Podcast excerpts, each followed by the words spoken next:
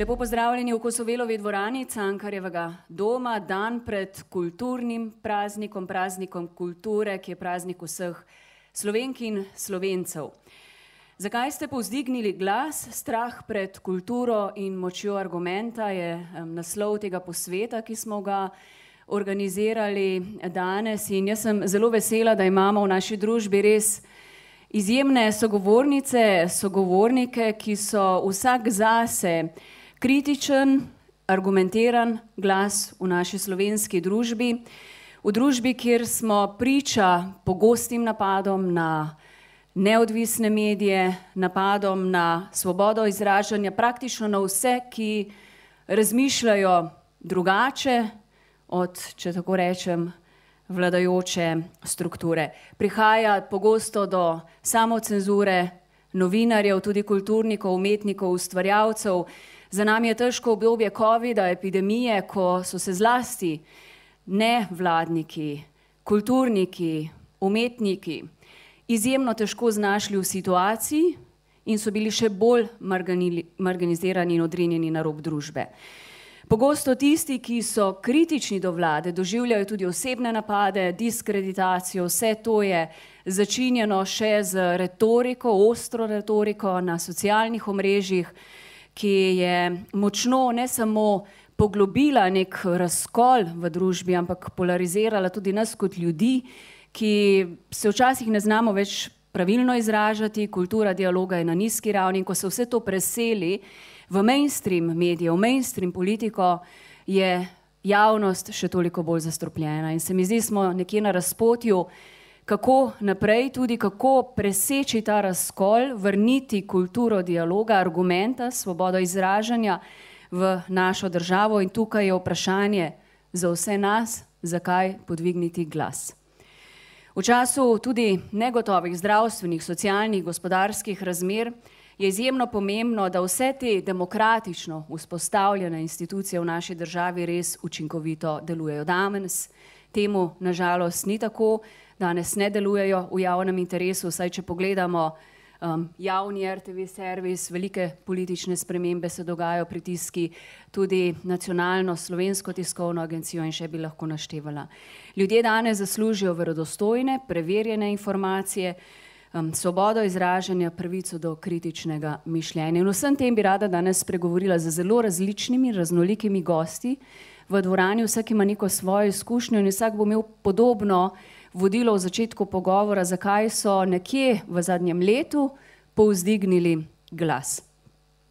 In morda začnem kar z gospodom Miho Macinjem, pisateljem, publicistom, predavateljem, kolumnistom, ki pogosto um, realno, zelo kritično piše o stanju duha v slovenski družbi. In v eni od kolumen, nedolgo nazaj se je Miha Macini vprašal, kako bomo Slovenci še naprej živeli skupaj. Odprete družbena omrežja in na vas pljusnejo frustracije, bes in pozivi k pokolom, kot da nastopa sodni dan, po katerem ni ničesar več, še najmanj pa skupnega življenja v prihodnosti.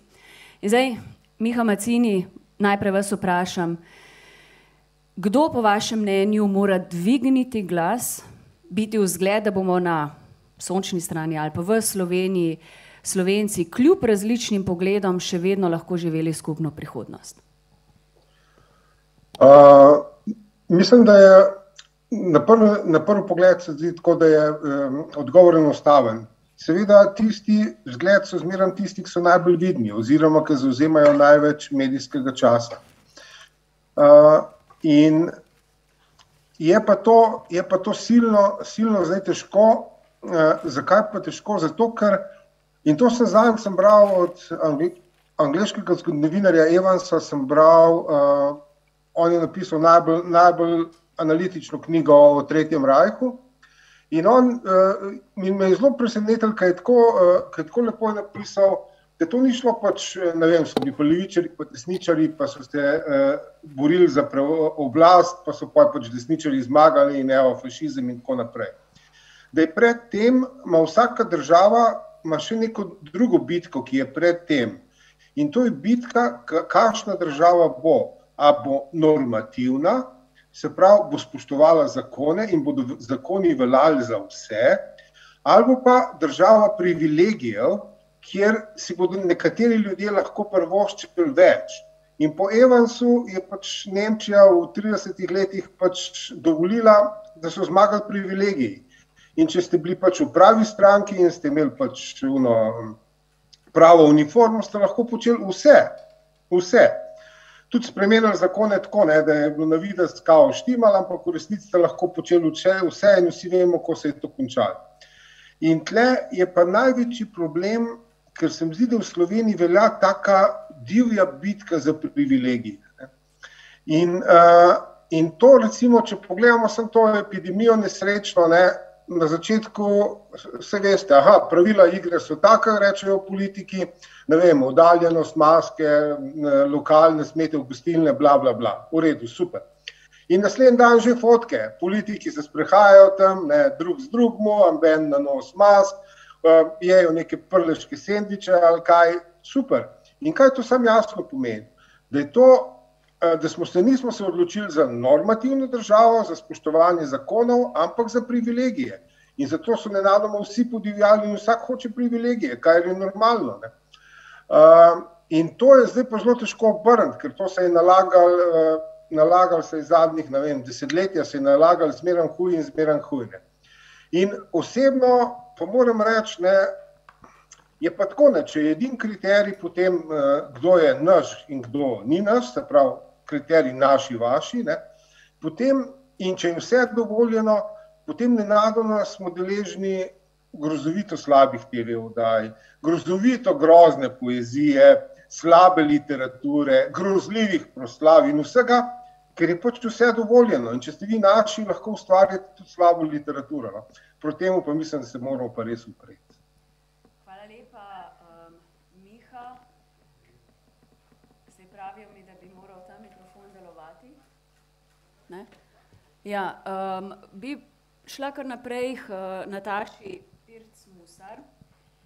Zdaj, včasih Nataša je odvetnica, danes nekdaj informacijska pooblaščenka in novinarka. Uh, Miha Macin je dobro rekel, država privilegij v naši, vaši, kako se tudi družba deli, ampak jaz se pa spomnim enega intervjuja, Nataša, ko ste prav v tej disciplini povedali, ornuki disciplin, da si ljudje pravzaprav tudi zaradi strahu ministri ne upajo reči reči več ničesar, ker samo cenzurirajo sebe, tudi v strahu, kaj se jim bo zgodilo. Mislim, da so šle besede sami sebi si natikajo na gobčnik. Um, smo prišli tako daleč, da ni to samo v politiki, tudi v družbi nas je tako načelo, da smo tako nizko, da se samo cenzuriramo ljudje, mediji, novinari, družba, stroka. In kaj je mogoče tu narediti za ta preskok na boljše? Ja, sej, zdaj ste postavili tudi zelo kompleksno vprašanje, ampak uh, moje mnenje je, da je še vedno dovolj ljudi, ki si upamo na glas povedati, se mi pa zdi, da je vsak dan več takšnih, ki si ne upajo, kar pa je pravzaprav problem. Um, ne samo natikanje na gobčnika znotraj um, vlade, znotraj političnih strank, verjetno tudi tista neka strankarska disciplina je različna, ne vem, v vaši stranki, kot je recimo, ne vem, v SDS-u. Uh, Eh, predvsem se mi pa zdi, da sedanja oblast uh, poskuša ustrahovati ljudi, ki si upajo. Jaz seveda v svoji odvetniški pisarni delam več primerov, ki so uh, pokazatelj tega, kar se dogaja, uh, da pravzaprav um, vladajoči poskušajo tudi tiste, ki še imajo pogum se oglašati, ustrahovati z nerazumnimi globami, uh, ne samo nerazumnimi, ker pač globe so, ampak pravno neutemeljenimi, z izbiro popolnoma napačnih pravnih sredstev, če se uh, počuti užaljenega nekdo, ki sploh ni bil omenjen, recimo v neki izjavi, sej verjetno veste, da govorimo o zadnjem primeru vašega nekdanjega kolege uh, Pavleta Gantarja in gospoda Olaja, ki se je prepoznal v nekem eh, res da kritičnem tvitu, ampak jaz česa takšnega v svoji praksi preprosto še nisem videla. Ne. Tisto, česar me je pa pravzaprav kot pravnico, kot odvetnico najbolj strah, je pa ta popolna negacija ustroja pravne države in popolna negacija tega, da se jim nič ne zgodi, pa vedo, da delajo neskladno z ustavo, neskladno z zakoni. Tega me je pa pravzaprav strah. Strah tudi zaradi tega, ker imam občutek, da se vlada zaveda, da je sodišče upravičeno konzervativno, počasno, da ni hitro v svojih odločitvah in da je sistem izdajanja začasnih odredb v našem pravnem sistemu še bolj konzervativen kot sicer meritorno odločanje, namreč pri začasnih odredbah je treba izkazati neko neposredno, nepopravljivo škodo in uh, ravno zadnji primer Agencije za raziskovalno dejavnost, tudi s tem primerom se ukvarjam, kaže točno na to. Ne? Razrešitev članov upravnega odbora brez obrazložitve, čeprav zakon o javnih agencijah zelo jasno pravi, da mora obstajati razlog, na podlagi katerega se lahko posameznika razreši. Vidiš sklep vlade, brez obrazložitve, na isti seji vlade imenovani novi člani, naslednji dan sklicana seja upravnega odbora imenovanje VD-ja. Vse to so stvari, ki kažejo na to, da vlada zavestno negira pravo, hiti in ve, da bo pravica prišla prepozno. In to je nekaj, kar na drugi strani, če se vrnem na nagobčnike, povzroča stisko tudi pri ljudeh, ki se jim to zgodi, ker vedo, da z nekim sporom na sodišču ne bodo prišli do hitre odločitve, ki bi pomagala uh, vzdrževati sistem pravne države in ne ordnung in disciplin. Ne? Uh, skratka, več je teh vzvodov, ki po mojem mnenju kažejo na to, da uh, vlada dela vse, da bi bilo čim več ljudi tiho. Zdaj, zavestno vladanje z dekreti, brez pravne podlage, brutalno politično kadrovanje, umešavanje v neodvisne institucije. Mrzikaj smo slišali, kaj je širok, je recimo en takih primerov, če tako rečem, zgodovinarka, nekdanja direktorica muzeja novejše zgodovine, pa me zanima, vas so razrešili, Zadnje desetletje ste zelo uspešno vodili muzej. Uh, minister Simoniti vas ni potrdil za nov mandat. V samem postopku izbora, pa tudi pozneje, kot razumem, ste bili pogosto deležni različnih diskreditacij, žaljivk in tudi vrata so se nekako zaprla priti na podobne položaje v vaši profesiji. Pa me zanima, kaj, kako gledate na to kar se je vam zgodilo, mogoče vaša izkušnja, pa kako je to brutalno, res politično umešavanje v svet ustvarjalcev, kulturnikov, zgodovinarjev, svobodo mišličih. Uh, mene niso razrešili, ne? meni je mandat potekel, razrešili pa so Renato Zamida, ki je zelo dobro upravljala svoje delo in kateri do danes uh, nič, kar je bilo očitano, ni bilo dokazano.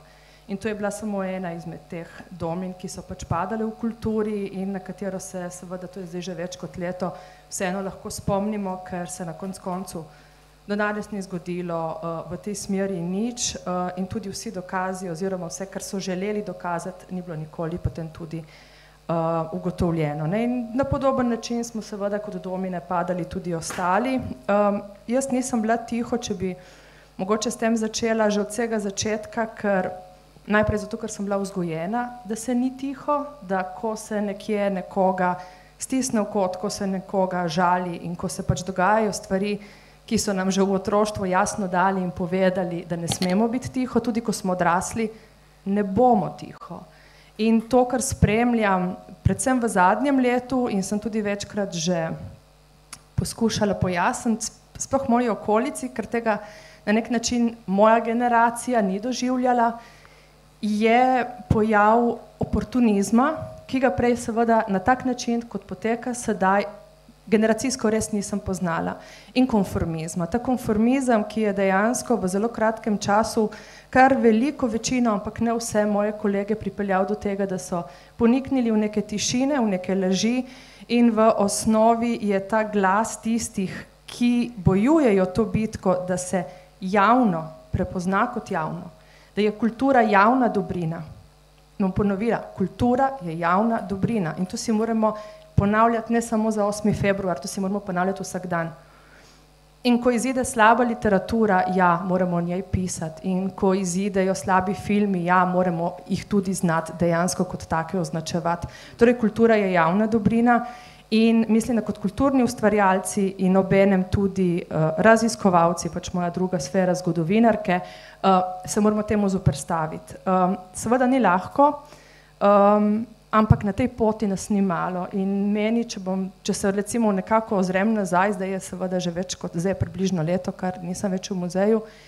Um, najhujša stvar, ki se je zgodila, je seveda, da je ogromno ljudi izgubilo mojo telefonsko številko. Najboljša stvar, ki se mi je pa v življenju zgodila v tem letu, da je kar nekaj ljudi našlo mojo telefonsko številko.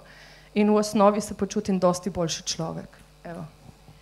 Zdaj, um, ta moč argumentov ali pa kultura ali svoboda izražanja je javna dobrina, je tudi temeljna pravica vsakogar. Ne? In jaz sem bila sama novinarka dolga leta, pa vem, kako težko je, če novinar nima možnosti um, normalnega delovanja, če je pod ekonomskim, političnim pritiskom, um, da se dogaja tudi samocenzura, kot smo rekli, da je prestrašen, strahovladje, karkoli in da novinari res tisto, kar mora zagotoviti. Um, družba, okolje, oblast je neodvisnost medijev, svoboda izražanja. Zato se zdaj obračam uh, mojemu nekdanjemu sodelavcu, uh, ampak zelo dobremu izvrstnemu poznavalcu javnih radiotelevizij, ne samo v Sloveniji, tudi sicer kreatorju številnih reform po um, javnih RTV servisih v naši soseščini, Borisu Bergantu. Um, RTV servis je pod političnim pritiskom in je javni servis ima vlogo um, informacij javnega značaja, torej mora delovati kot tak. Kakšna je situacija? Zakaj ste dvignili glas in začeli pisati amantmaje in spremembe KRTV zakonov? Najprej, najprej lepa hvala za pobudo. Ni običajno, da ob kulturnem prazniku razpravljamo tudi o medijih, kljub temu, da imamo Ministrstvo za kulturo, ki je od, odgovorno tudi za medije. Bojim se, da ni ravno najboljši del tega ministrstva, eh, oddelek, ki se ukvarja s tem. Eh, poglejte, začel bom s tem, eh,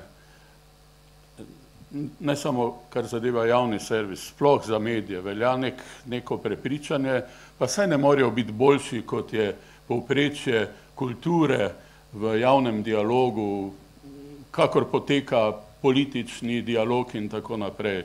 Jaz sem trdno prepričan, da imamo več vrst medijev, vse to je prednost današnjega sistema, imamo nažalost tudi eh, medije političnih strank, ki pa se ukvarjajo eh, s politično propagando, ok, mislim, ni najboljše, ampak eh, pahljača ponudbe je pač široka, ampak za tiste medije, ki naj bi bili javni, in za katere bi pravzaprav moral ob, obstajati javni interes in bi morali tudi odgovarjati na ta javni interes, pa sem trdno prepričan, da so lahko boljši od povprečja eh, eh, diskurza v javnosti, seveda pod nekaj pogoji. Pogoji so, da zagotovimo neke normalne in spoštovane zakonske okvire, da spremljamo trende, ki veljajo v medijskem svetu in ki se dan današnji prav hitro spreminjajo in moramo biti na to pripravljeni in tudi seveda adaptirani. In drugo, kar se mi zdi pa sploh naj, najpomembnejše je, ne glede na to, kakšni so pritiski, profesija novinarstva je profesija, je kot vsaka druga profesija. Tu ni alternative, tu ni eh, kompromisov.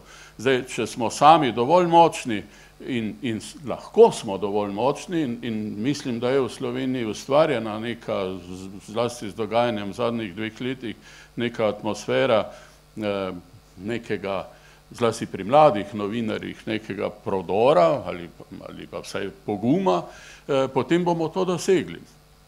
Zakaj smo se odločili? Poglejte, eh, eh, javni servis je res velik problem, sicer ne samo pri nas, eh, celo v domovini javnega servisa v Veliki Britaniji ali Združenem kraljestvu, kot pravimo zdaj, je pod strahotnim pritiskom političnim. Nikoli v zgodovini, v stoletni zgodovini neka vlada ni poskušala tako vladati javni servis, kot se zdaj dogaja v Veliki Britaniji. Tako da se bojim, da pač eh, ti pritiski niso nekaj posebnega. Ampak mi imamo pa svojo zgodovino. Poglejte, naš zakon o javnem servisu je iz leta 2005, iz tako rekoč začetka vlade, ki, ki sedaj predseduje koaliciji. Od 2005 so se okoliščine, v katerih delujemo, popolnoma spremenile iz analognega sistema, ki je bil takrat že tako rekoč na izumrtju, ampak ne še mrtev, je nastal digitalni, ampak mi imamo v naši zakonodaji vse, kar, kar piše, je, je pravzaprav analogno. Analogno je tudi prepričanje ljudi v, v, v javnem servisu. Da ne govorimo o tem, da je seveda konkurenca mednarodna, zlasti domača, ampak tudi mednarodna, popolnoma spremenila pravila igre. Še en argument, od 2012-2013 se prihodki javnega servisa niso spremenili, nihče me ne bo prepričal, da v desetih ali, toliko letih, da se niso potrebe, finančne potrebe spremenile, končno so se plače dvignile in tako naprej. Tehnologija se ni pocenila, je pa seveda raznolika in seveda v takih okoliščinah delovati in, in samo krpati in krpati ne gre več. Zato smo se odločili, da če hočete, da povzdignemo glas. Moram tudi reči, da vsi poskusi političnega kupčkanja, in tu niso samo eni krivi, vsi imajo tu neko, neko krivdo, so se slabo končali. Ne vem, kolikokrat smo pripravili nove, novo zakonodajo že tik pred zdajci in, in sploh ni bila slaba. Ampak, ko je prišlo do odločitve, ali bomo zdaj to, ali bo najprej na, na, na vladnih, kakršnekoli že vlade, usklajevanjih prišlo naprej in, in, in v parlament, se nič ni zgodilo. In tako smo zdaj praktično petnajst let, sedemnajst let v krpanju, čas nas je prehitel in nekaj moramo podvzeti. Smatramo, glede na to, da smo izgubili toliko časa in glede na to, kako potekajo stvari. Še nikoli nismo imeli recimo organov upravljanja v javnem servisu, ki bi bili popolnoma v rokah ene politične opcije, ampak to je posledica najprej obstoječe zakonodaje, drugič pa seveda nespoštovanja zakonodaje, kar je tudi naša specifika slovenska. Ampak tako vendar javni servis ne more obstajati. Javni servis je namenjen javnosti, ne interesom posameznih političnih strank in sploh pa ne strank, ampak koristim ljudi, ki ga gledajo, ki ga plačujejo in ki seveda želijo, nekateri seveda bolj, nekateri manj, nekateri so bolj obveščeni, slovenska specifika je tudi slaba medijska pismenost, ampak tako kot zdaj delujemo, ne moremo naprej. Obstaja samo ena opcija, ali bo ta javni servis uničen zaradi interesov kapitala, političnih strank, novonastalih medijev, ali se bomo pa uspeli dogovoriti, da vendarle združimo moči in da ustvarimo neko tribuno, ki bo skupna vsem. Seveda nihče ne bo nikoli zadovoljen s tem javnim servisom, ampak vsaka politična opcija mora razumeti, da ne more imputirati vsebine nekemu javnemu servisu, ker ko bo zamenjana, bo to naredila naslednja skupina. To je ozadje pravzaprav tega, zakaj smo se pravzaprav profesionalci, nekateri še delujoči, nekateri že upokojeni, lotili pisanja kompletnega osnutka neke nove zakonodaje, namenjene temu, da pridobimo javno mnenje, da, predvsem sporočimo, kaj mi mislimo, da je narobe s tem javnim servisom in da skušamo res ustvariti nekaj, kar tudi še nikoli v slovenski, vsekakor ne v zgodovini samostojne Slovenije, nismo imeli namreč javno razpravo o tej stvari. Zmeraj smo imeli neke razprave v zaprtih krogih, zmeraj se je mudilo, zmeraj se je nekaj imputiralo, ampak nikoli nismo razpravljali, kaj želimo, kaj je to javni servis, kaj je javni interes. Javni servis ni oddaja, želeli ste poslušati, po naročilu, kar nekateri razumejo. In če pač ne poroča javni servis tako, kot ljudje mislijo, potem mi ne bomo tega plačali. Ja, potem ne, ne bi smeli plačati tudi socialnega, zdravstvenega zavarovanja. Skratka, ideja je, da uh, ustvarimo neko platformo za razpravo o tem, zdaj je pravi čas, ker imamo tudi prave izzive, čas pa teče in če tega kmalo ne bomo uresničili, lahko pozabimo. Hvala lepa. Zdaj o javnem servisu zelo veliko krat govorimo, tudi Sandro Bašič Hrvatin smo se že večkrat pogovarjali kot medijsko strokovnjakinjo, pa ne gre samo za javni servis, tudi sicer za situacijo v medijih. Mogoče bi najprej za en uvod, ker se tudi profesorica pa aktivistka vprašala z dveh vidikov. Eno je, kakšno je danes to trenutno stanje v medijski krajini v Sloveniji, koliko je mogoče k slabi situaciji doprinesla tudi odgovornost politike. In pa kot aktivistka, zdaj imeli smo proteste, protesti so bili tudi posledica nezadovoljstva, strahu, COVID-a, epidemije, hitrega spreminjanja zakonov in tudi omejevanje izražanja svoje volje. Bile so kazni, um, ljudje so bili diskreditirani. Mogoče en ta dvojni vidik, eno situacijo v medijih, drugič pa aktivizem ljudi, ker tudi mirno izražanje na protestih je temeljna pravica vsakega posameznika. Zdaj, kako ste to doživljali ali še doživljate? Um, jaz bi najprej ponosom povedala, da sem dobila kazen za branje ustave, da sem dobila kazen zaradi tega, ker sem nosila dežnik, na katerem so bile lučke, da sem dobila kazen zaradi tega, ker nisem spoštovala prometne predpise in da ne naštevam. Uh, najboljše branje pa je, po, ko pogledaš, kaj policija nota razpesni kot obrazložitev. In prav to branje pokaže, da živimo v državi, da živimo v stanju, v katerem nihče, ampak res nihče. Tukaj ne gre za to, da nekdo dvigne glas ali pa da nekdo ne dvigne glas, ampak nihče ne bi smel dovoliti, da se kaj takega dogaja. In na moje vprašanje ni pomembno mene vprašati, zakaj sem jaz dvignila glas. Vprašajte druge, ki so tiho. Zakaj so tiho? Zakaj dovoljujejo, da stotine ljudi že 90 tednov po vsakem vremenu protestira, med ostalim se tudi zauzema za svobodne medije, pomaga slovenski tiskovni agenciji, ko je bilo najhujše, in ima jasne zahteve, da želi živeti v državi, v kateri se spoštujejo temeljna pravila.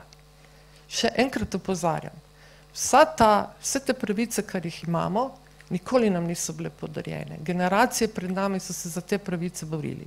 In da mi danes imamo to nespoštljiv odnos do generacije pred nami in se delamo, kot da to ni nič, kot da to ni vredno upora, kot da to ni vredno boja, kot da to ni vredno tega, da vsak teden ustrajaš, ker veš, da brez tega ustrajanja, to je neka balansirka v mojem življenju, ne bom sebe mogla sprijeti kot človeka in ne biti človek v tej državi je to, kar si vladajoča politika želi vladajoča politika ne želi prevzeti javni servis. Oni niso sposobni nobene kreativne politike, nobene razvojne politike. To, kar si oni želijo, je v bistvu demontirati celo državo, ustvariti vzdušje, v katerem ne bo nobenega zaupanja več, v katerem bomo živeli v neki splošni klimi ovaduštva, v katerem bojo skriti ljudje sijali sovraštvo, zlobo, pokvarjenost, po spletu, nekateri podpisani, ker se ljudje sploh več ne skrivajo za nekim pseudonimi, ampak je to postalo normalno. In tukaj jaz vidim težavo, ki jo prvič nadslavljam na politiko.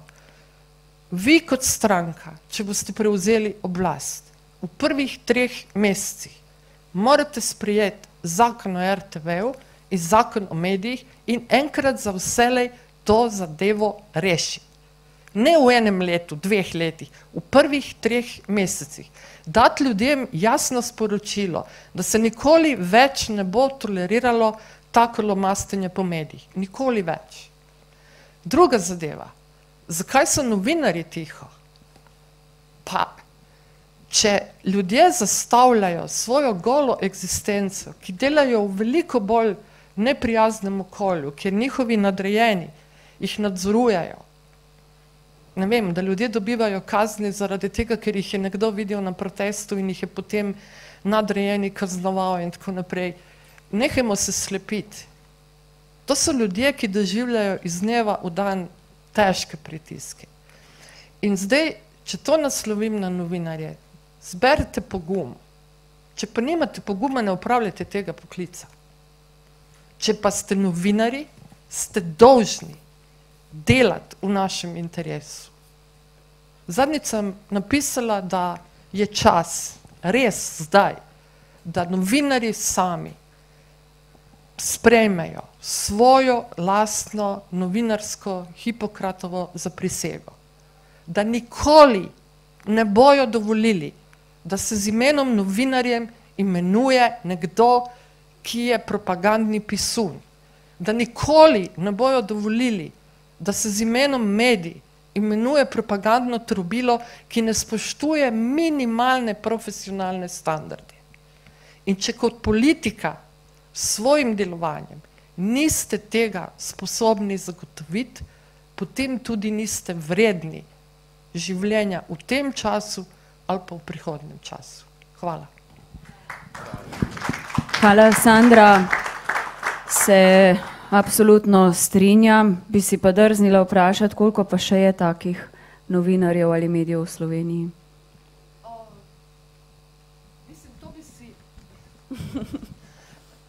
Mislim, sedanja oblast je kot vsaka avtoritarna oblast navajena popisovanju.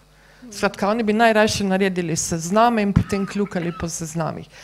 Um, slovenski jezik ne premore tega, ker ima angliščina in to so dve oblike odgovornosti. Ena je odgovornost, ki te zavezuje zaradi zakonov. Druga odgovornost pa je tukaj. In te odgovornosti noben, ki opravlja ta poklic, se ne more sprenevedati, da ne ve, kdaj laže, da ne ve, kdaj zavaja in da ne ve, kdaj je v bistvu osramotil poklic, ki bi ga moral opravljati. In to jim jaz ne morem naložiti. Ampak če tega sami niso sposobni, so se pač razvile nove oblike komunikacije, ker ljudje razvirajo nove načine posredovanja informacij in to je največji problem, da bomo mi v prihodnosti ostali brez tega skupnega medija, ki bo določal neke skupne točke, o katerih bomo razpravljali in bomo v nekem razpršenem svetu, v katerem se bomo samo radikalizirali. Tako, govorili bomo z enako mislečimi, strinjali se vsi in tako naprej. In zato jaz menim, da je javni servis pomemben. Tudi če ga trenutno ne, ne maram, ampak mislim, da si ne zasluži imena javni servis. No, jaz moram reči, da se tega zelo sama zavedam, ker sem vseeno 20 let bila v novinarstvu in vem, kaj pomeni, če kot novinar lahko svobodno in neobremenjeno, profesionalno in verodostojno upravlja svoje delo da lahko preverjaš informacije, da ti ni potrebna samo cenzura in da moraš zato imeti um, vzpostavljeno varno tudi ekonomsko okolje. Tako da to zagotovo je velika, se strinjam, odgovornost politike, drugo je pa, koliko je tu politika zrela za take korake. Um, bom šla k našemu naslednjemu sogovorniku, pa prosim, če se kdo želi odzvati, da to živa debata, nakažite. Um, Robert, Walter je direktor mini teatra. Enkrat, če se ne motim, ste rekli, da del politike vas vidi kot parazite. Um, šlo je pa za seveda nevladnike, samo zaposlene v kulturi, to se deloma tudi seveda povezuje z našim pogovorom. Če podreš enega od stebrov kulture, kultura je nek družbeni konsens, je temeljna pravica, če podreš enega od stebrov, kot so nevladniki, samozaposleni, ki pa so bili čez COVID, mislim, da še najbolj prizadeti, kaj to pomeni. Zdaj, vi ste direktor mini teatra, ste zelo kritičen, Kakšen je svet danes nezaposlenih ali oziroma samozaposlenih v kulturi nevladnikov? Uh, sam sem nekje 35 let v kulturi umetnosti, od tega mislim, da skoraj že 25 let na neodvisni sceni. Sem nažalost eden še redkih uh, živih uh, direktorjev, ki smo ustanavljali prve nevladne organizacije eh, po osamosvojitvi. Večina mojih kolegov je umrla med 50 in 60 letom. Kako priušek, Lidija Jurjevec, Max Oršak, da eh, ne naštevam naprej. Mislim, da smo od teh ta starih samo še Kovač, Farič pa jaz. To vam verjetno veliko pove o stresu, ki ga doživljamo na neodvisni sceni in v zadnjih 25 letih, pa še posebej v zadnjih desetih letih, se ne spomnim, da bi uh, dočakal mirno novoletno noč, ampak je do zadnjega trenutka seveda bilo vprašanje, ali bomo preživeli, ali bomo naslednje leto sploh še lahko delali. Uh, torej, zadnja, mogoče zadnje obdobje, ko smo nekako verjeli, da gremo v pravo smer, je bila uh, ministrovanje uh, Majde Širca, ko je po tisti gospodarski krizi, kjer se seveda vsem je malo, kulturi pa največ in ko nikakor nismo prišli do nekih uh, pravih uh, številk, ko se je mal popravila situacija. Seveda je takoj po njenem odhodu se začela situacija zmanjševati in tako, da smo do lanskega oziroma do pred štirimi leti, ko je bil zadnji ta projektni razpis, programski razpis, padli za 100% nazaj. Prej je omenil gospod Brgant vsi pa vemo, kako, šla, uh, kako so šle cene, draginja, uh, plače. Plače pri nas se ne spreminjajo na, na nevladnem sektorju. Uh, honorari so vsaj za 50, če ne 70 odstotkov nižji kot uh, na drugih področjih. Ravno danes sem imel primer uh, prevajalke, ki smo jo dali prevajati en tekst in ko sva se začela pogovarjati o honorarju, se je seveda prijazno zahvalila, ker uh, za tak honorar ona pač ne bo delala. Um, Letošnje leto seveda je bilo še posebej stresno zaradi novega razpisa za nevladni sektor. Uh, nihče od nas ni mogel spati. In uh, pričakovanje pošte strani ministrstva, ki se je seveda zavlačevalo, uh, minuje je december, pa se je začel že januar, je bilo uh, grozljivo. Uh, na izkušnji STA-ja nam je bilo vsem skupaj, ki smo kandidirali, jasno, da nihče od nas ni na varni strani nihče od nas ni mogel verjeti, vedeti, a bo med osmimi izbranimi uh, nevladnimi organizacijami, ki bojo dobile podporo. Uh, sam se seveda ne strinjam s tem, da je šlo za nestrokovno komisijo v letošnjem letu na ministrstvu. To so bili kolegi, ki so z našega področja, uh, eni z boljšimi, manjšimi referencami. Ampak, če si ti v razpisu zapisal ne, neke matematične številke kjer ti omejiš produkcijo, ki pa je v zadnjih 20 letih uh, ogromno narasla, na osem zavodov, pri tem, da jih samo, ne vem, mestna občina Ljubljana financira 56, ti pa na državi razpišeš, razpišeš osem, seveda je stres, a boš ti prišel kljub vsem referencam, kljub vsem uspehom uh, v ta uh, izbrani del. Druga stvar je bil seveda pritisk na nevladnike na uh, Metelkovi šest, sredi pandemije, sredi tega, ko smo bili dejansko zaprti, brez kakršnih koli prihodkov, je šlo v deložacijo eh, enega lepega dela pomembne neodvisne eh, kulture. Um, ne vem, jaz moram priznati, da podobno kot Sandra, uh, zelo veliko pričakujem od nove vlade, ampak me skrbi. Pred desetimi dnevi mislim, da smo imeli v Ljubljanski drami premiero predstave Parti, ne vem, če je že kdo pogledal ali pa če je kdo gledal film Sally Potter in o čem sem se jaz spraševal pri tej predstavi. Uh, gre za političarko Janet, ki postane ministrica za zdravstvo v eni obskurni opozicijski stranki. In potem sem jaz rekel, čaki, čaki, od kdaj naprej v Sloveniji mi nimamo vlade v senci? odkdaj naprej stranke nimajo nekih ministrov. Mi imamo čez dva meseca volitve, jaz pa pravzaprav ne vem, kdo so ljudje, kakšni so programi, kako bi lahko mi sami prispevali k temu, da bodo te programi boljši. Slovenija enostavno potrebuje New Deal. Mi rabimo, mi smo mala nacija, dva milijona nas je, torej tudi nimamo nekih blaznih resursov, ne? ampak nekaj pa vseeno imamo. In zakaj se mi ne začnemo že zdaj pogovarjati o programih skupaj? Mene je bilo fantastično, ko je nastala koalicija KUL. Potem se je pridružil še tale gospod Golop, ne? In zdaj včeraj slišim enega uh, opozicijskega uh, parlamentarca, ki reče, ja, ja, sej oni so v redu, ampak bomo še počakali, oni niso tako fajn, ker še nimajo programa. Zakaj moramo rušiti že naprej? Zakaj ne moramo reči, ja, mi gremo skupaj, ni nam cilj samo zrušiti Jane Zajanša, ampak narediti boljšo družbo. Jaz opažam, ljudje moji, da ni več nasmeha na ulici, da se bojimo pogovarjati eden z drugim, da se izogibamo. Uh, in zakaj je neodvisna uh, scena seveda toliko neprijetna za vsako vlado, za vsako uh, novo strukturo? Ker govorimo o stvarih, ki, uh, ki so marginalne, ampak so izjemno pomembne. Poglejte tale anketa včeraj od Jane Zajanše, kako bo treba prepovedati LGBT vsebine v osnovne šole. Uh, torej, en cel kup gledaliških predstav bo torej prepovedan, festivali strpnosti bodo prepovedani. Um, Mi se pa zdaj tukaj med sabo prepiramo, naš ego, namesto da bi stopili res skupaj, pa naredili skupen program. Pa rekli, ok, kaj ima eno idejo, jaz imam drugo, vse mogoče njena mi ni najbolj všeč, pa najbolj blizu, ampak dajmo nekaj narediti, dajmo vrniti tej Sloveniji spet upanje. To se mi zdi zelo pomembno. In naj bo neodvisna scena, ki res dela eh, eh, iz, iz nič, bom rekel, zlato in konec koncev tudi pomembno prispeva k nekemu uh, budžetu. Dajmo mo mogoče se vsi skupaj tako spustiti, malo pa reči, mogoče manjše apetite, ampak dajmo nekaj narediti, dajmo res iti v nek New Deal za, za novo Slovenijo. Poskusimo. Um, hvala lepa.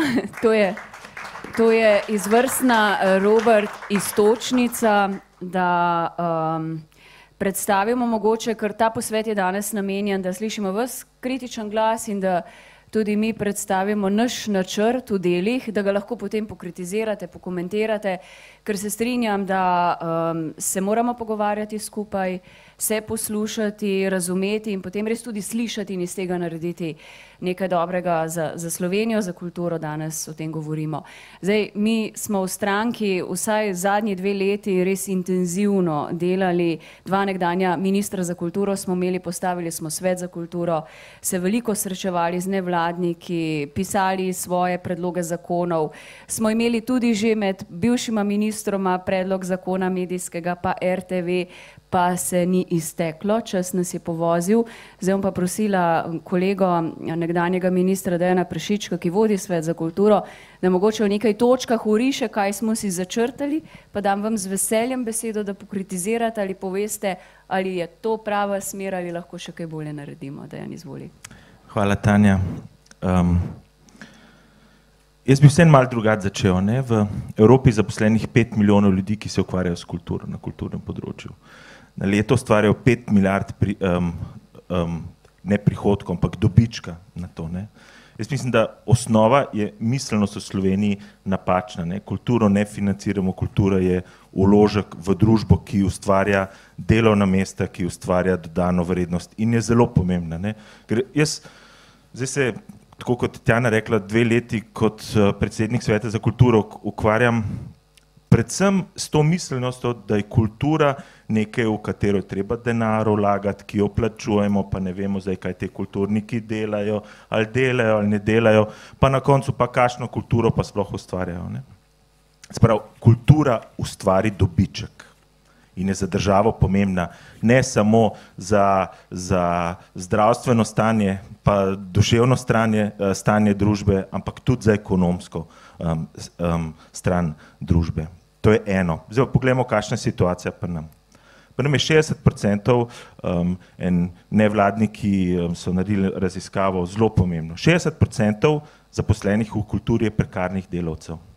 Se pravi v zelo negotovem stanju. Večinoma teh, ki so zaposleni kot v kulturi, teh 60%, um, ne zasluži minimalno plačo. Ne? Tukaj smo. Jaz sem pa siguren, da ustvarja, če pogledamo, kaj kultura generira, um, ne, tudi na prihodkih, je to neko stanje, v katerem ne, um, ne bi smelo biti. Generira pa se, da se politika lahko s tem igra, zato ker, kot, kot ste prej omenili, ne, ko si na robu preživete, boš pač premislil, ali boš podzdignil svoj glas ali ga ne boš. Ne. In nažalost ni veliko hrabrih, um, ki kljub temu, da je mogoče eksistenca ogrožena, to naredijo. To je stanje, v katerem mi živimo. Zdaj pa politika, ne, jaz sem včasih, mi je težko, 27 let, 30 let sem aktiven glasbenik, tudi še danes, ne, od tega se tri leta ukvarjam s politiko, tako da imam tukaj malo težav, na katero stran bi stal, ampak danes sem politik. In politika, tako kot jo jaz gledam, veliko obljublja. In jaz mislim, da je počas, da dost obljub, ne, ampak da je potreben nek načrt načrt, ki ga bodo ljudje, ki ga bomo ljudem obrazložili, ki ga bodo ljudje lahko spremljali in po štirih letih nas tudi vprašali, zakaj to ali ono nismo naredili ali smo naredili. Ne? To je zelo pomembno. In jaz moram reči, da sem zelo ponosen, to je na, ta naša knjižca. Dve leti smo jo delali, več kot 400 ljudi se je s tem ukvarjalo. Jaz sem imel pogovore um, z glasbeniki, režiserji, gledališkimi igravci, filmski igravci, sodobnim plesom, ki je v katastrofalnem stanju v Sloveniji. Ne. In ker ste rekli, ne, kaj bo, ja, um, mi smo v naši skupini, ker imamo v svetu za kulturo tudi podskupine, v, v skupini, ki se ukvarja z medijem, smo pripravili zakon o RTV-ju, ki ga je treba seveda še v javnosti um, predebatirati, se pogovoriti, ker se mi zdi, da ravno ta dialog danes manjka. Ne? Politika, mi prehajamo v nek svet, ki se spreminja tako družbeno kot um, um, ne vem, resurse smo že skoraj vse porabili. Ne? Se pravi, imamo zelo kompleksne težave in te težave ne bo rešila Tanja Fajon sama, jo, jo tudi ne bo rešil um, um, Robert Golob sam, noben jo ne bo rešil sam, rešili jih bomo skupaj se pravi politika s civilno družbo, strokovnjaki, da bomo poiskali nek konsens in najboljše rešitve za to področje. In ja, pripravili smo zakon o RTV-ju, pripravili smo medijski zakon, sicer že takrat, um, ko je bil gospod Poznič še minister, je bil tik pred tem, da bi bil uložen v to. Ampak ne sam zakon, ne. treba je zagotoviti, ker novinarstvo imamo isto težavo prekarnost, treba je zagotoviti neko socialno varnost, da bodo novinari delali in pisali tako, kot mislijo, ne da bo prišlo do te avtocenzure. Ne? In moramo se moramo razumeti, avtocenzura je nekaj zelo težkega, ne? ko si tiho in veš, da je nekaj narobe, te to razžira, um, ker si tiho in gledaš, kako se, kaj se dogaja. Ne? Um, pa tudi to, kar smo rekli, ta medijska izobraženost, um, um, se pravi, ne bodo prepoznati, kaj je prava informacija in kaj ni na medijskem področju.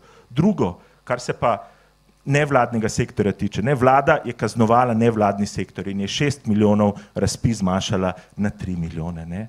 Pa je Metelkova zaprla in bo nekaj naredila druga v tem, um, zato da bo pač kaj vzameš. Vzameš finančna sredstva za programe, vzameš človeku hišo, um, streho nad glavo ne, in je pač na cesti in ga s tem utišaš um, in mu ne daš možnost, da se izraža. Jaz pa mislim, da politika potrebuje civilno družbo, zato da je nastavlja ogledalo in opozarja, ko pač malo zaide, ne? ker ni, ni lahko najti rešitve. Se pravi, kaj, kaj bi SD, če bi imel ta resor? Treba je ohraniti proračun, se pravi, um, UNESCO pravi 2,5% bi morala družba dati za kulturo. To bi bilo pri nas približno 250 milijonov. In potem ta denar z dialogom z drugimi, z uporabniki, s, tem, z nekim načrtom razdeliti. Narediti um, strokovne komisije, ki razdelijo denar, se strija, niso bile slabe, ampak bi morali imeti pravico odločanja po svoji vesti, ne po diktatu neke politike. Eno. Drugo, dati mi treba seveda veliko več sredstev. Ne? ne šest milijonov, ampak več. Obljubili smo ne vem, filmu recimo enajst milijonov že zdavne. Ja, treba je obljubiti, ampak še enkrat povem, ne obljubiti, treba je narediti, treba je imeti načrt. In za načrt rabaš program, ki je nastal v dialogu in neko zavezo, da boš to potem tudi naredil. Zato, kot sem že na začetku rekel, ljudje na koncu lahko ugotovijo, ali si naredil ali nisi naredil. Ne?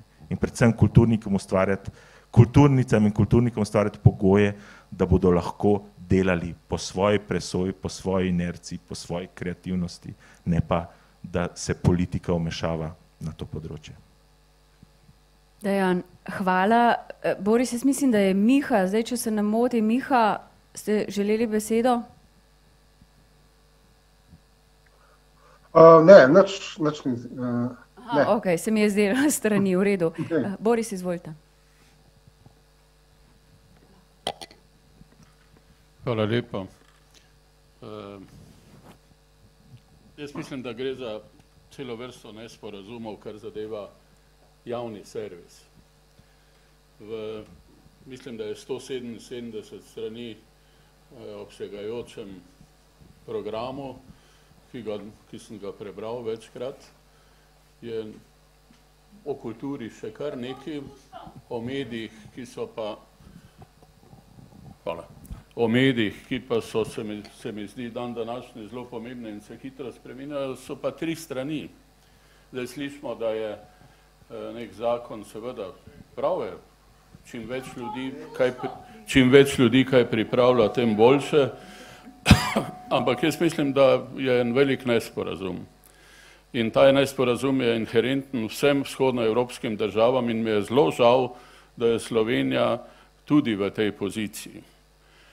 Če kdo misli, da bodo stranke rešile problem javnega servisa, se zelo moti. Stranke ne bodo nikoli rešile problem javnega servisa, ker je to tako rekoč v opreki z normalnim njihovim interesom.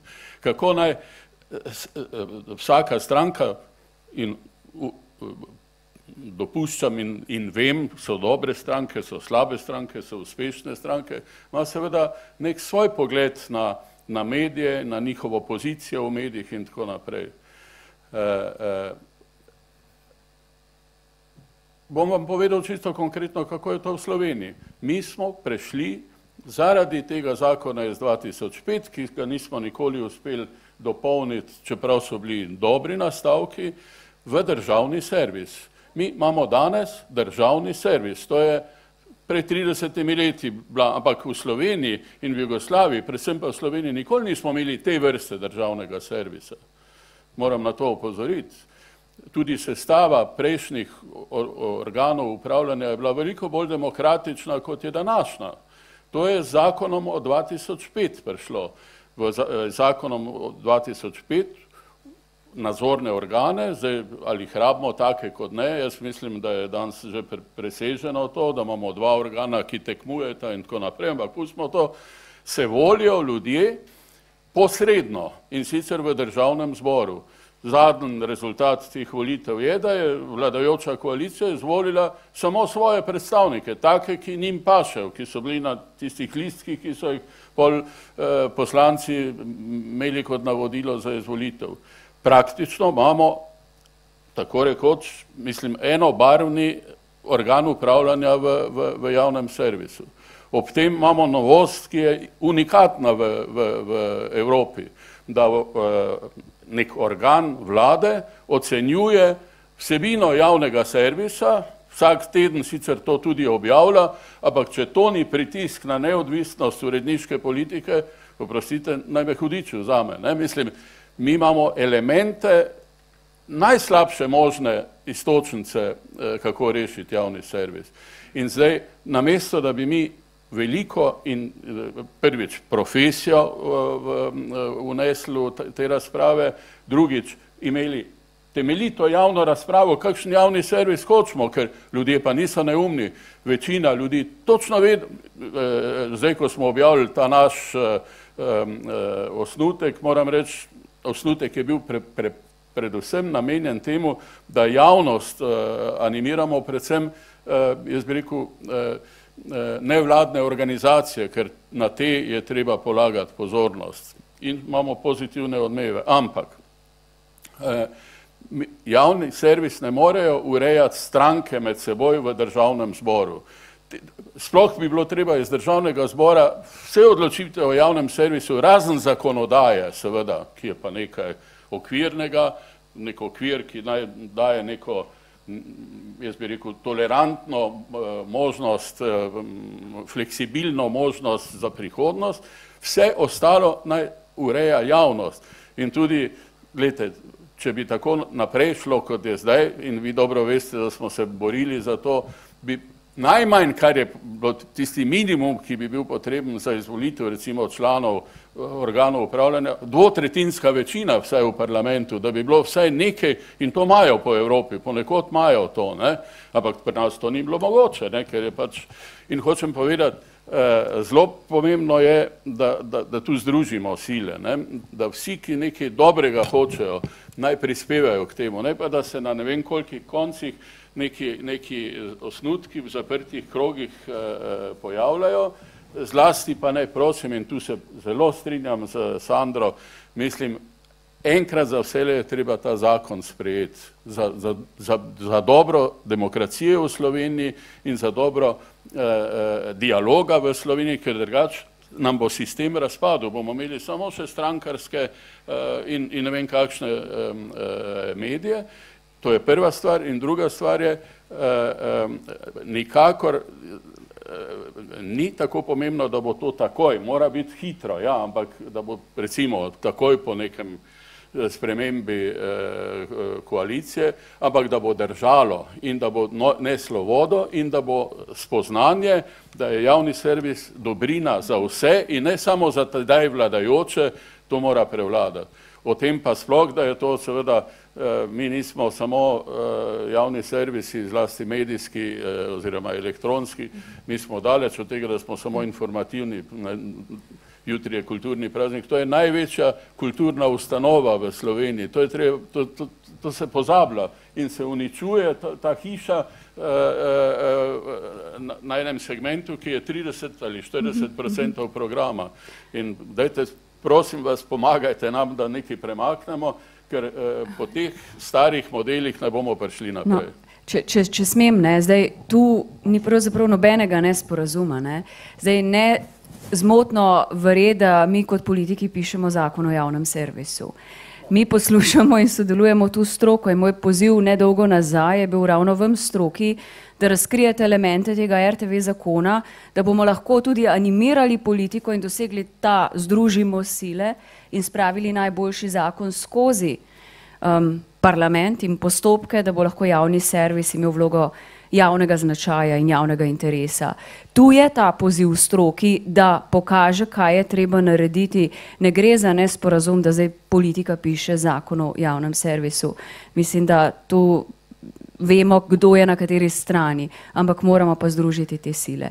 Um, Nataša, izvoli. Uh, zdaj ste nanizali kar nekaj. Uh politično sprejemljivega govora, se upravičujem, gospod Prešiček, ampak jaz pa zdaj kot državljanka Republike Slovenije pogrešam eno stvar, pa vam bom kar zastavila vprašanje. A se je SD pripravljen umakniti iz javnega servisa? Veste, kaj ste tudi vi tam počeli, predvsem pa ali se SD zaveda, da to, kar zdaj dela vladajoča koalicija, ni možno popravljati s soft rešitvami. Na drugi strani seveda obstaja velika nevarnost, da če boste stvari želeli upeljati v neke normalne tirnice, lahko to naredite samo z istimi slonskimi koraki v trgovini s porcelanom, ker drugač boste prepočasni. Vem, to je vprašanje za milijon dolarjev, jaz odgovora na to nimam zdaj, le ga nimam. Ampak imate vi seznam škodljivih imenovanj? A ste danes prebrali na Twitterju, da je vlada v svojem mandatu zaposlila 10 tisoč novih ljudi v javnem sektorju? Vse to, kar vi, gospod Prešiče, govorite, mora na koncu izvajati javna administracija, torej ministrstva. Če in ko, recimo, ko boste prišli na oblast, a veste, kjero področje morate najbolj, naj, najprej popucati, kako boste to naredili? Vse to, kar v tej vaši rdeči knjigici piše, se morda lahko zelo lepo bere, ampak pot, ki ste jo začrtali, je brez tega, če ne boste imeli analize, kaj se je zdaj le dogajalo, praktično nemogoče in ne bo dovolj en mandat, ampak dva ali pa tri. In kako se tega lotiti, da ne boste isti slon, kot je zdaj le vlada, ta, to je za me res enigma. Ampak jaz mislim, da bo ta nova politika, ki upam, da bo prišla po tej strašljivo grozljivi politiki, imela pogum in naredila tudi odločitve hitro, učinkovito, ampak vseeno zakonito. Ne? ne si zdaj prvošati, da boste isto se šli, se, se upravičujem, ker sem si izmislil na en morda malce demagoški slogan, ne, pravno huliganstvo, sem parkrat povedala v medijih in zdaj kar parjel. In to pravno huliganstvo, kateremu smo danes priča, je največja cokla pravni državi in javnemu interesu. Torej, moje vprašanje, gospod Prešiček, je SD pripravljen izven iz javnega servisa? Absolutno. Da, seveda. Okay. Seveda. Predsednica Lahko SD. jaz, lahko jaz zelo jasno povem, z velikim da. Ker Ampak tu absolutno ni dileme. Glejte, še enkrat. Jaz se zavedam vloge javnega servisa, toliko let sem delovala v njem. Se tudi zavedam pomankljivosti, kar so delale politične stranke, ampak javni servis mora biti politično nedotakljiv. Karkoli bo tu mogoče narediti na pravnih podlagah, sem jaz prva, ki dam svojo besedo za to, ker poznam preveč dobro strukturo javnega servisa. ta ne mogoče, če lahko vsem, ki je bilo malo več vprašanj. ne. Ja, ni za en mandat, ne. zato na programu piše program velikih sprememb um, za razvojno desetletje do leta 2030, ker smo tudi mi v procesu Gospod Prešiček, mi nimamo 8 let Ne, časa, popravili. Ne, ne, ne, niste, ampak vi ste sama rekla, da nimamo, da bo to v enem mandatu težko. Ne? Jaz sam hočem reči, da seveda veliko stvari bo, je treba um, mal um, daljnoročno gledati, ne samo mandat. So pa stvari in nalogo, ki nam jo je predsednica dala, ko smo imeli, je bila, veste, kašna. Prvo ugotoviti napake, ki smo jih sami naredili. Vsak svet je dobil nalogo, ko smo začeli to pisati. Ne? Se pravi, prvo smo analizirali, kaj smo obljubili, kaj nismo izpolnili, um, kaj smo vse napisali v vseh uh, teh letih. Ne? Druga naloga je bila, kaj so ukrepi, ki jih je treba izvesti takoj, v prvih stotih dneh, če prideš na nek resor. Ne?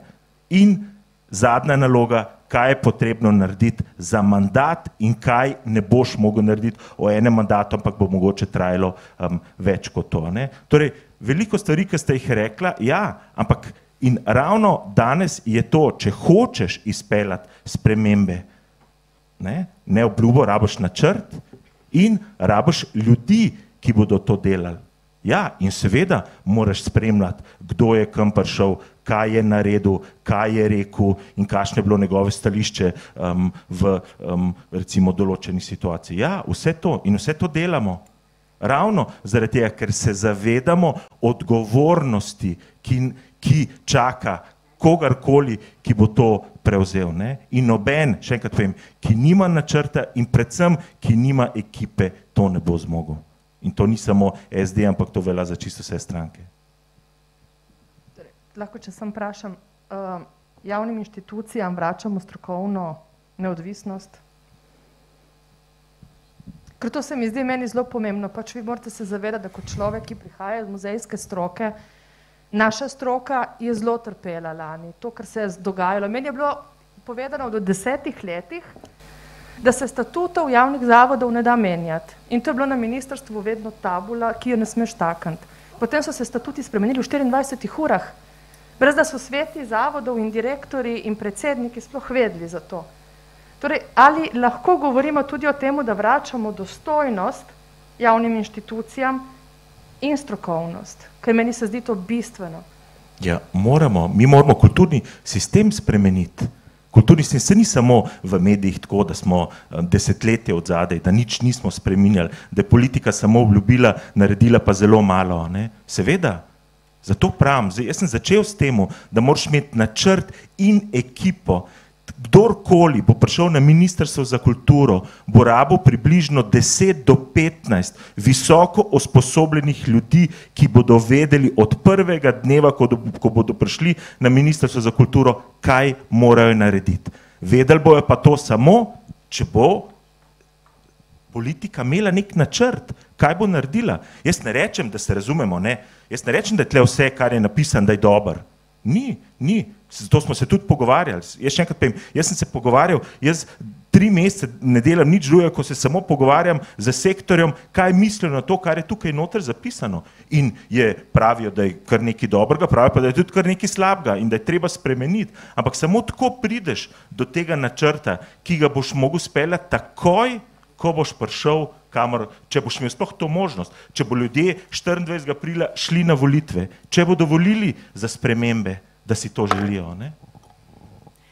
Zdaj bom jaz mogoče malo zasukala debato nazaj, ker vidim, da je tu vedno nek tak razkol, politika, zaupanje v politiko, institucije, civilna družba, strokovna javnost in tako naprej. Pa me vseeno kot političarko odgovorno zanima, vi ste vsi iz strokovnega sveta, kako preseči ta razkol, da se bomo poslušali med sabo in dosegali ta družbeni soglasje, konsens, ki ga potrebujemo za našo prihodnost. Vsi ste to naslavljali, ampak tu moramo zgraditi eno zaupanje, ki je ključno za razvoj za naprej. Nataša, um, Sandra. Zelo enostavno. Držite se zavez, ki jih ljudem dajete. Povejte zelo enostavno, deset stvari, ki jih boste naredili na področju kulture. Zelo enostavno. V prvih štirih mesecih bomo spremenili zakon o medijih, ki bo, ki bo v bistvu imel temelj, da zagotovi neodvisnost, razvoj, umik politike in tako naprej. Zagotovili, uredili bomo to, vrnili dostojnost, ne vem, deset zadev. In vse teh deset zadev bo javnost lahko od prvega do zadnjega dneva mandata lahko spremljala. Tukaj ne gre, eh, eno od posledic tega vsega lomastenja in tako naprej je tudi to, da ljudje, v ljudeh se ustvarjajo občutek in to je tudi zmaga sedanje politične opcije, da ljudje mislijo, da so vsi isti, to je glavna stvar. Kaj bom šel na volitve, vse so vsi isti, vse ti bojo nekaj obljubili, potem pridejo na oblast, pa ne naredijo in tako naprej. Ampak dajmo vrniti zaupanje na način, da date besedo, za besedo stojijo dejanja in če tega ne naredite, se umaknete iz politike. Mislim, zakaj je v tej državi tako težko se umakniti, ko nisi sposoben nekaj narediti? Zdaj, Nataša, izvoli. Jaz mislim, da imate vi še en problem, ne? Ja, dati zaveze ampak vi na levem političnem polu se med sabo ne znate zmeniti, kaj bi radi. In to je samo voda na mlin gospoda Janše. Vsi, ki ste v politiki, zelo dobro veste, da proporcionalni volivni sistem ne more prenesti absolutne večine nobeni od strank. In to, da ste na levi polovici tako zelo razklani, da ste pravzaprav v določenih momentih tako zelo sovražno nastrojeni drug proti drugemu, vam zagotovo ne pomaga. Ne? In gospod Janša na drugi strani ve, da je to ena vaša najbolj šibkih točk. Ja, veliko stvari gre skozi politiko. Politik, danes je sistem narejen tako, da se v javnem sektorju pač kadruje. Da vas ne bom samo šimfala, zagotovo nisem nikoli upazila, da bi se tako grobo kršili pravne postulate in menjavalo ljudi, ne da bi jim iztekel mandat. Ampak, ko mandat izteče, boste seveda dali svoj lonček zraven. Ampak tisto, kar jaz res kot zunanji opozovalec pogrešam, da se morda, pa ne vem, Tanja, ne bom rekel, da samo na vašo stranko to leti, a ne premalo, kad vprašate, a imate bazen ljudi, strokovnjakov, to, kar je uh, uh, gospa Širok podarila, ne, da imate strokovnjake, ki lahko zapolnijo ta mesta in strokovno delajo delo, ne po političnem nareku. In, in absolutno podpiram Sandrine besede, dejte zaveze in ne svaštarte, ne morete urediti vsega. Pri vsakem področju rabite nekih to, nekaj točk, ampak dejte za božjo voljo enkrat to poskušati speljati. SD ne bo mogel sam. Jaz vas prosim kot državljan, da se na levem političnem polu dogovorite, kako boste iz te teme naredili nazaj svetlobo. Um, se strinjam, Nataša, zdaj pa mi delamo točno to, kar uh, govoriš, ker um, pišemo načrt in ne dajemo obljub, kaj bomo naredili za vsako časovno obdobje. To je ena huda, težka naloga, ki vem, da ne bomo mogli sami narediti. Se absolutno zavedam in če kdo, že mesece govorim, da moramo se povezovati in sodelovati. Lahko koga drugega vprašate, ali so isto iskreno temu naklonjeni. Zdaj pa jaz vračam žogico nazaj, pa me zanima, koliko pa vi lahko kot civilna, strokovna javnost pripomorete k temu, da boste pomagali tudi politiki ustvariti boljše ozračje, ker to gre za neko, jaz rekla, dvojno igro, ne? nismo mi tu sami in vse čas tarča, seveda smo glavni in odgovorni. Ampak jaz res iskreno verjamem, da moramo sodelovati in se slišati in razumeti. Se mi pa zdi, da včasih je to bolj enostranska cesta, ne? ker mi tavamo, tavamo svojo pot, pa vse čas smo nekako kritizirani. S tem, da se v resnici že tri mesece javno pogovarjamo tudi o tem programu. Tako da tu bi pa jaz vas prosila, koliko ste pripravljeni poslušati politiko in sodelovati. Um, bom dala besedo Mihi zdaj najprej. Uh, tle, tle en kupenik, velik, eh, mislim, glavni problem je, da smo mi priča desetletjem nižanja, nižanja kriterijev, uh, in sploh v zadnjih, mislim, dveh letih pa totalno nižanju kriterijev. Ne. In danes dejansko, če nekdo reče, da bi šel v politiko, bodo vsi, a ne. In to je v bistvu dejansko Janšo velik uspeh, to, da so se ti kriteriji toliko znižali, da, da Ben noče več v politiko, ne. se pravi negativno kadriranje. Drug velik problem je, ne, zdaj upam, da ta novica o deset tisoč na novo zaposlenih ni resnična. Ne. Ker teh deset tisoč novo zaposlenih bo ostalo tudi po volitvah, tudi če se oblast spremeni in potem, če jih uh, nova oblast odpusti, bodo rekli vsi, aha, isti ste kot oni, če jih pa obdržite not, imate pa v bistvu, uh, kako naj rečem, peto kolono, ki ve, od koga je služba dobila in pač čaka na gospodarja, da se vrne. Ne. In situacija je dejansko, je dejansko uh, tako problematična, ne, da se mi zdi, da je nujno potreben ta res, kot se že par predlogov, bo ta fokus. No. Fokus je ta program, sem jaz prebral to knjigo, knjigo složene in je meni se zdi zelo dober. Ne. Ampak uh, dejansko res ta uh, timeline, ta načrt, spremenili bomo to in to in to in to. In samo par ali ne z možnimi datumi, recimo v štirih mesecih, v pol leta, v ne vem kaj. In to mora biti objavljeno povsod in s tem dejansko date glavo na tnalo. A boste šli približno saj po tem načrtu ali ne. To je to, no. Se pravi, ob, dana obljuba in spoštovanje te obljube. Miha, hvala. Um, Boris, ste želeli besedo. Zdaj počasi tudi zaključujemo naš pogovor, se ne opozorim goste še kakih deset maksimalno minut, tako da mogoče tudi za neke zaključne misli, če se boste odzivali, Boris. Ja, hvala lepa. Glejte, ena od napak, ki smo jo delali v ne vseh 30 letih, ker na začetku teh problemov ni bilo, je, da smo na področju medijev stalno govorili, da potrebujemo medijski zakon in v okviru tega medijskega zakona tudi neki o RTV javnem servisu. Tisti medijski zakon je tudi in spe, kot bi se reklo, in medtem se je toliko zgodilo na tem področju medijev, da pravzaprav več ne nadzorujemo. Naša, mislim, agencija nima sploh nobene ingerence več, kaj se dogaja na medijskem področju, In mislim, da bo celotno medijsko, eh, bi rekel, problematiko zelo bo, bo trajalo nekaj časa. Ampak eh, zakon oziroma javni servis je pa zdaj in tu problem, ker bolj, ko se bo odlašalo reševanje javnega servisa, hujša bo, eh, bo nezaupanje v ta javni servis in na koncu bo tako kot v mnogih vzhodnoevropskih državah, to je eden od motečih elementov na, na trgu eh, in na zadnje, seveda, ker je tudi vprašanje financiranja, bo izpadel iz igre. Zato se mi zdi, da bi bilo treba to agendo malo spremeniti, prioriteta rešiti javni servis, se dogovoriti o njem tudi taktiko, kako in potem seveda na osnovi tega, ko je nek velik segment, zelo pomemben segment, brez javnega servisa ni demokracije.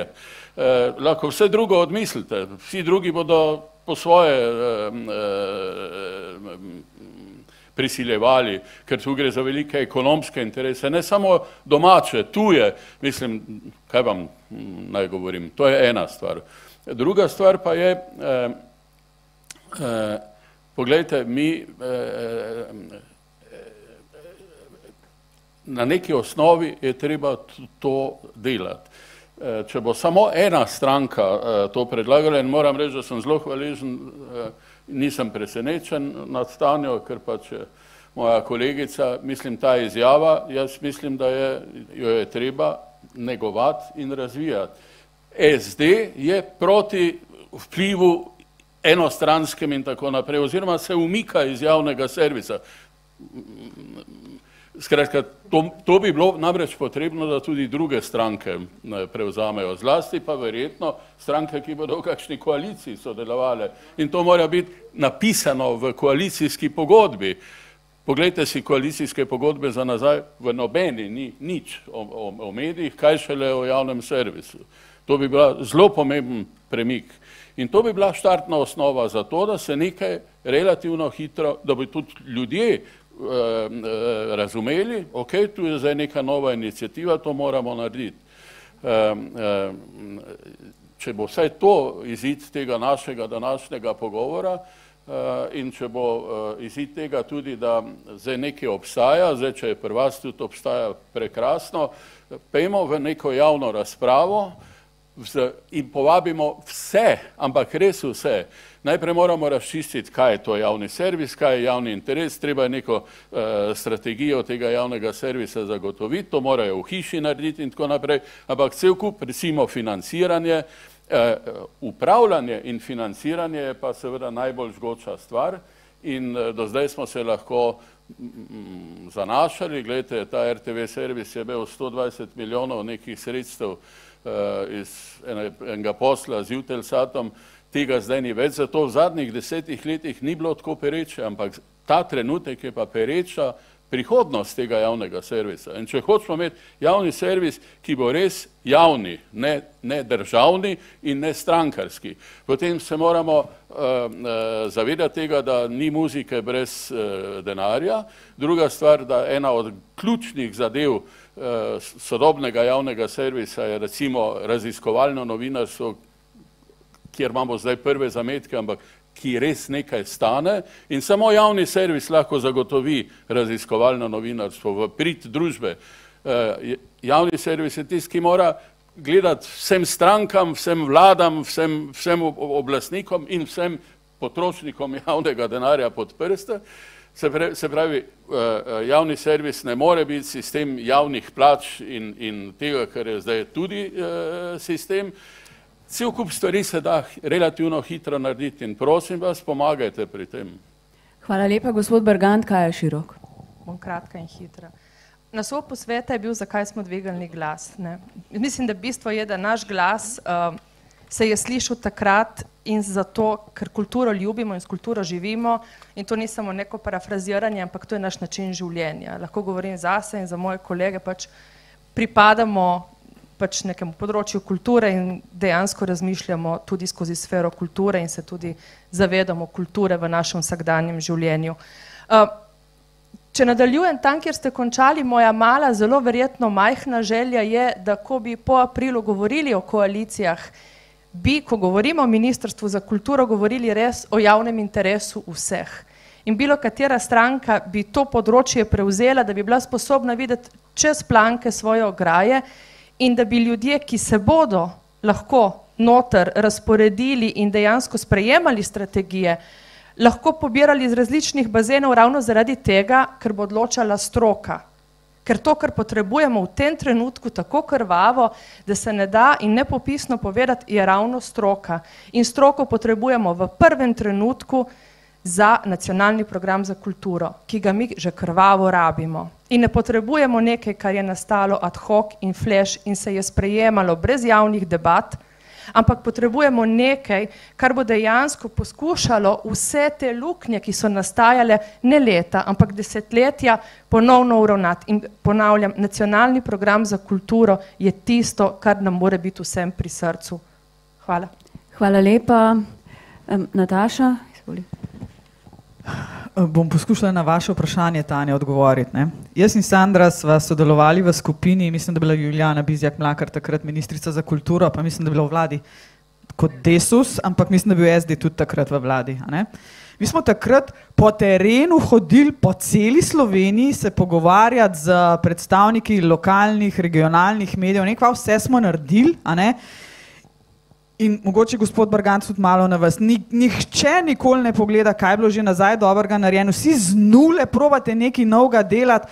Ja, pišuka, ne na zadnje smo bili tudi kar neki plačani takrat, ne, ne vem kaj, smo naredili vse to. Moj del programa za prenovo RTV je bil, kako narediti nestrankarski programski svet.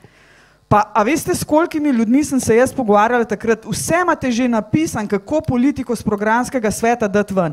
Predstavnike muzejev, predstavnike knjižnic, predstavnike verskih skupnosti, predstavnike OKS-a, predstavnike univerz, brez politikov, zmanjšati ga iz 27 na 15, nima 27 mandalcev, kaj tam debatirati, ker je neproduktivno. Ne? Tam se je treba začeti stvari lotiti. Pa še ena stvar. Ni dovolj, da politika naredi dober program ali za kulturo ali za prenovo javnega servisa. Eno varovalko si morate ugraditi v ta sistem. RTV-ju je tudi treba jasno in glasno povedati, če želite, da se zadeve preno, prenovijo in da gremo v neke moderne smernice, morate tudi vi narediti svoje. 15 let pišejo novo sistematizacijo znotraj RTV-ja, pa je še zdaj niso naredili. Ni ur, a so jo, končno. A pred včerajšnjem nasiljem, aha, dobro, ta je bila spet čez noč narejena. Ja, okay. Skratka, tudi na drugi strani treba dati, jasno vedeti, da ne more sistem obstajati tako, kot obstaja že zadnjih 30 let, da mora vse skupaj z roko v roki. In če mene vprašate, gospod Tanja, sem pripravljena pomagati. Ja, takrat, ko bom videla, da boste saj tisto, kar smo že naredili, ali pa kar smo že sodelovali pri kakšnih stvarih, poskušali tudi udejaniti. Jaz imam dost štartanja z pozicije nič res sem utrujena od tega. Nataša, hvala vam. Še bi želela Sandra še kaj dodati? Uh, ja, mislim, mi smo napisali to strategijo in polju je v roke vzel nekdo na ministrstvu in iz tega naredil tako skrpucalo, da je bilo sramno, da se, smo, smo se mi kot uh, strokovna skupina od tega distancirali. Zato, jaz se absolutno strinjam. V mandatu uh, ministrice Majde Širce je bilo narejeno. Uh, v vseh teh mandatih je bilo marsikaj narejeno, predvsem pa, uh, ne vem kako bi to, da ne bo. Uh, uh,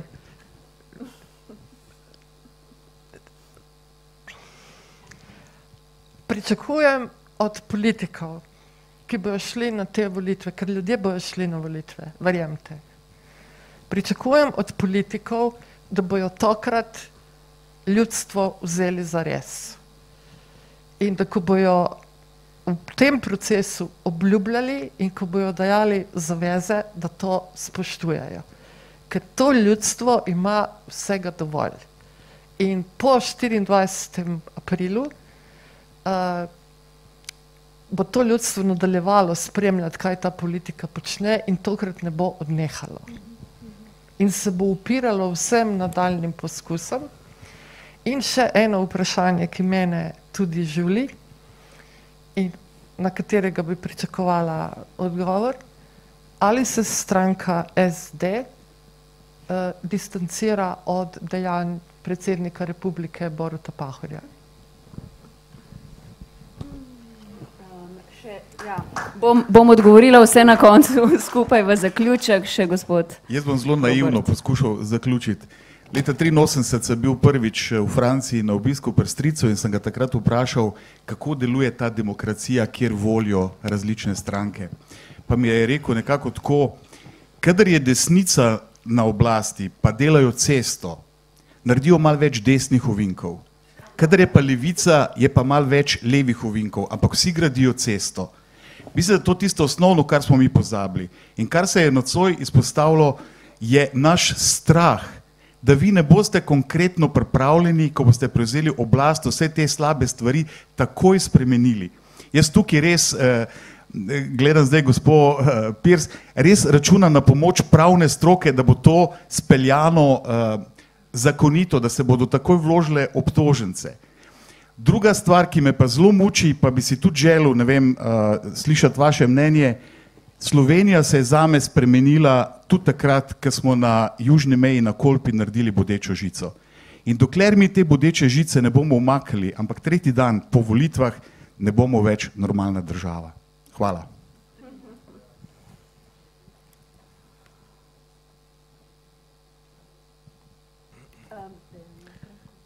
Jaz bom zelo kratek tudi do nas, uh, mogoče malo kritičen tudi do nas. Ne. Veste, kako bomo videli, če bo kera politika bo resno vzela resor kulture. Tista, ki ga bo zelo hiter v izboru ministrstva izbrala, ne. tista, ki se bo zauzela, da ga hoče imeti, da ne bo resor kulture v zadnjem krogu, ko, bo pač, ko bodo finance, obrambo in vse ostalo razdelili, ne pa rekla, ajde, zdaj pa še kultura, kdo, kdo ima še frej, ajde ti. Ne. V tem bomo videli, kdo jo hoče in kdo si resno želi te spremembe, o katerih smo danes govorili. Ne? Um, hvala, jaz sem zdaj malce tež, težjo nalogo, ampak bom skušala zelo na kratko. Najprej, če grem nazaj k naslovu, zakaj in kdaj ste povzdignili glas. Ne? Odgovor na bodečo žico, mislim, da sem ga največkrat, zato se mi je tudi hiter prijel um, en vzdevek neposrečen migrantoljubke, ne? ker politika rada zlorablja takrat, ko želiš pomagati ljudem in migranska kriza je ena taka izrazita kjer ni stvar ene leve ali desne politike, ampak preprosto enega humanega odnosa do ljudi. To je prvo. Drugo, glas ljudstva. Zdaj jaz zelo, zelo resno spremljam, kaj se dogaja na ulici in smo vzpostavili skupine strokovne in tudi pripravili odgovore zelo resno na vse zahteve. Moram reči, sem zelo zadovoljna, ker sem ravno zadnje dni prebirala vse odgovore. Nažalost je možnost odgovora samo da ali ne, brez razlage. Ker je včasih, priznam, zelo težko, ne? ker če bi postavljal vas v kontrasituacijo, bi si želel kdaj kako stvar pojasniti, zakaj mogoče ne bo tako izvedljiva, to gre za 100-130 zahtev. Ne? Da, ne, je, to se počutiš, kot bi bil na enem šolskem preizkusu, ampak v redu, smo se potrudili, bomo naredili, ker vem, da če kdaj morajo zdaj ljudje imeti moč, da bodo slišani, in da bodo tudi bili angažirani dovolj in šli na volitve, če želimo res doseči ene pomembne spremembe za Slovenijo, ker to bodo najpomembnejše volitve od osamosvojitve Slovenije. Sem trdno prepričana. Kar zadeva predsednika države, instituta, ki ga kot državljanka Slovenije zelo spoštujem, jaz sem tudi tu večkrat zelo jasno povzdignila glas, kadar se nisem strinjala z mnenjem predsednika države. Mislim, da um, pove ga že, pove ga že. Tako da um, to breme, ki, ki nam se vleče, ne zdaj zbrisati uh, zgodovino ali pa reči, da stranka socialnih demokratov nima nič s predsednikom države, bi bila moja laž. Ne. On je bil vendarle več kot deset let predsednik te stranke, tako da tu obstaja ena trdna tradicija, um, ampak zdaj obstaja tudi nova generacija ki dela tudi drugačno politiko in se postavlja za vrednote. Um, in čisto na koncu, ker pa je jutri kulturni praznik, jaz vam res iskreno vsem zahvaljujem, da ste bili danes v našem pogovoru, ker cenim vaše mnenje, predvsem pa pripravljenost, da ste se udeležili enega takega tudi seveda strankarskega posveta.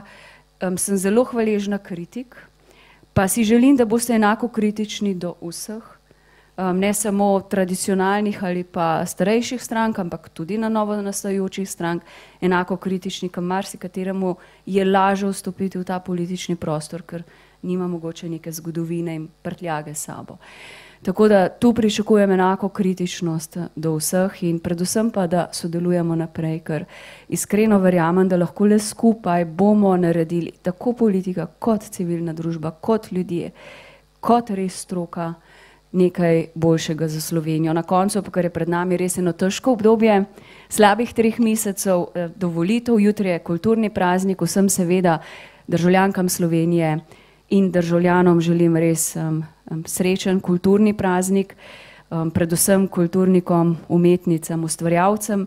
Na koncu pa naj bo kultura dialoga ali pa moč argumentov in svoboda izražanja glavno vodilo za čas, ki prehaja in je pred nami. Jaz verjamem trdno, da tudi za kulturo prihajajo boljši časi in da so lahko volitve 24. zelo, zelo resen mejnik za te spremembe. Tako da hvala vam še enkrat, vsem en lep praznik, nocoj in jutri in se veselim naslednjih izzivov, ki nas čakajo skupaj.